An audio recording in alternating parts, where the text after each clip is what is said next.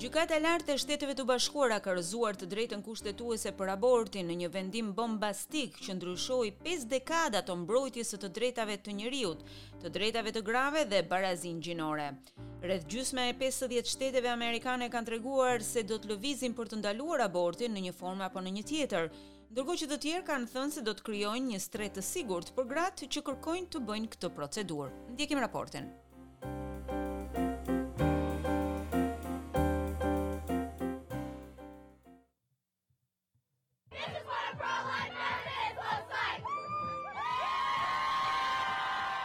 Brenda një ore nga vendimi sizmik i gjykatës së lartë, protestuesit nga të dyja anët e debatit për abortin dolën në rrugë. Randall Terry është kundërshtar i të drejtave të abortit. I've been fighting my entire adult life for this day.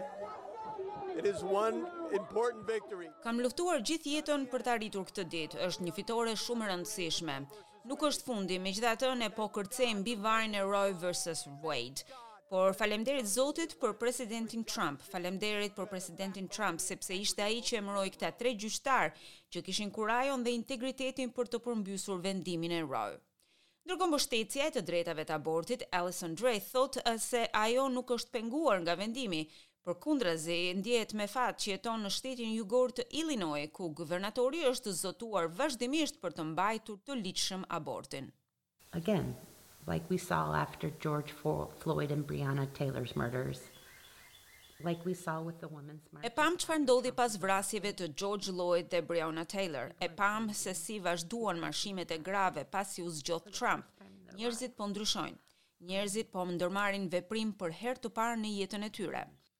Vendimi i Gjykatës së Lartë rrëzon një ligj të vendosur për gati pesë dekada, duke hequr garancinë kushtetuese të aksesit të abortit në Shtetet e Bashkuara.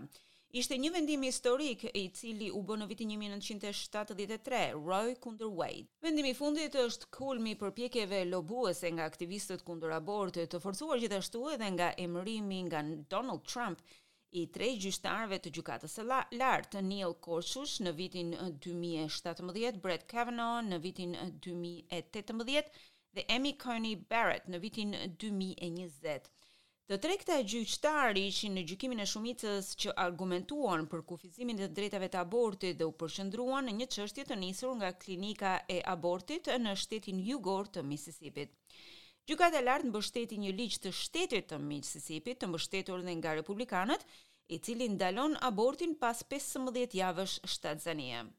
26 nga 50 shtetet e Shteteve të Bashkuara të Amerikës tani kanë filluar që të ndalojnë abortin në një farë forme, duke përfshirë këtu edhe 13 shtete të cilat kishin të ashtuquajturat ligje nxitëse, të gatshme për t'u zbatuar.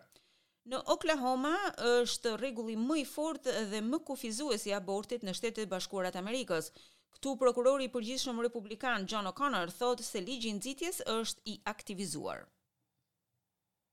As of this morning, abortions performed in Oklahoma or solicited in Duke filluar që sot në mëngjes, abortet e kryera në Oklahoma janë të paligjshme.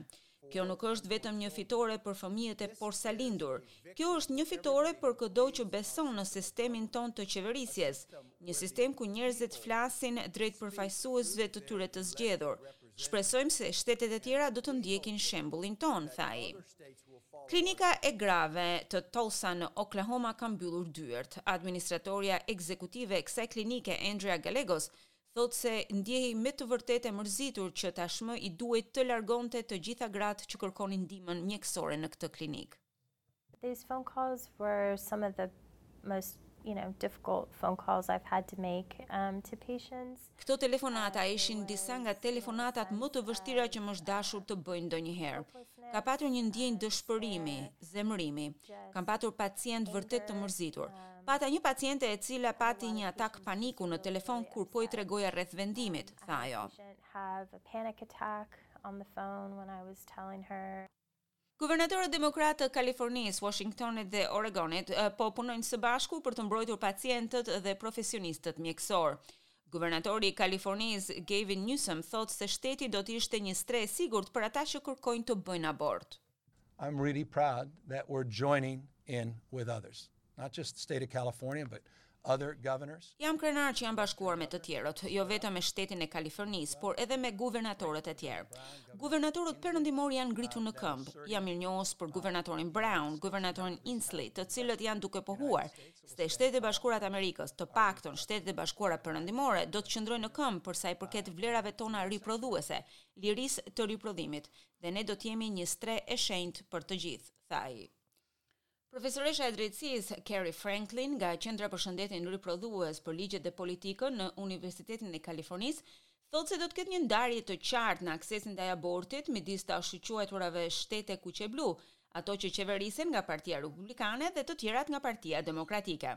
Ajo shton se të drejtat e tjera kushtetuese janë gjithashtu të kërcënuara.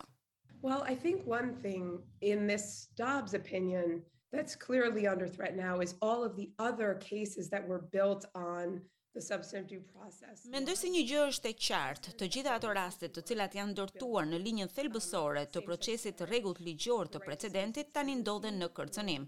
Le të flasim për shembull për martesat e të njëjtit seks, për të drejtën për intimitet, të drejtën e kontracepsionit. Gjykata thotë se mendimi i saj nuk i cënon këto vendime të tjera, por testi që përdori ajo për marrjen e këtij vendimi i mundëson të zgjedhë e të zgjedhë.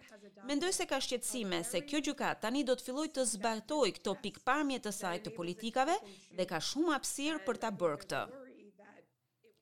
Ashley Shelton nga Koalicioni i Fuqisë për Barazi dhe Drejtësi thotë se vendimi ka ndikime të gjëra te gratë dhe pakicat etnike. once this decision came down, it triggered a law in Louisiana that automatically makes it, um, you know, illegal. And I think that people aren't thinking about all the ways. Sapo u rrëzua ky vendim, ai shkaktoi menjëherë riaktivizimin e një ligji në Louisiana që automatikisht e bën abortin të paligjshëm. Unë mendoj se njerëzit nuk po i mendojnë të gjitha mënyrat e tjera të cilat do të vijnë si rrjedhim i këtij ligji. Nuk ka të bëjë vetëm me abortin, bëhet fjalë për privatësinë. Bëhet fjalë për kujdesin shëndetësor në kuptimin që siç e dini, për shembull për gratë me ngjyrë, të cilat në Luizianë kanë frikë. Çfarë do të ndodhi nëse nuk janë në gjendje të përballojnë të fluturojnë në një vend tjetër apo të udhëtojnë me makinë për të bërë abortin? 45 për qind e të gjitha aborteve në mbarë botën janë të pasigurta. Procedura e abortit është një prej procedurave më të pasigurta për nënat. Ndërkohë, Presidenti Joe Biden thotë se do të bëjë gjithçka që është në fuqinë e tij për të mbrojtur të drejtat e grave, duke thënë se vendimi i Gjykatës së Lartë i ka bërë Shtetet e Bashkuara të Amerikës një prej vendeve më të prapambetura në rangun e vendeve të zhvilluara. Ai bëri thirrje grave që të që kërkojnë abortin të udhëtojnë në ato shtete të cilat po lëvizin për ta legalizuar atë. The poor women are going to be hit the hardest. It's cruel.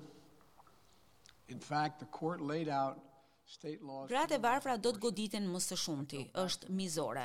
Në fakt, gjykata parashtroi ligje shtetërore që kriminalizojnë abortin dhe në këtë mënyrë jemi kthyer në vitet 1800. Gjykata, fjalë për fjalë, e kthen Amerikën 150 vite prapa. Është një ditë e trishtë, Por kjo nuk do të thotë se lufta ka mbaruar. Më lejoni të jem i qartë dhe i paqartë. E vetmja mënyrë për të siguruar të drejtën e grave për të zgjedhur, ekuilibri që ekziston, është që Kongressi të rivendosë mbrojtjen e Roe versus Wade.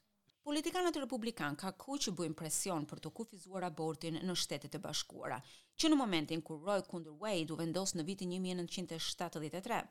Biden thotë se është gënjyese të shohësh rezultatin e vendimeve të zotit Trump të cilat po sjellin ndryshim në trupin gjykues të Gjykatës së Lartë.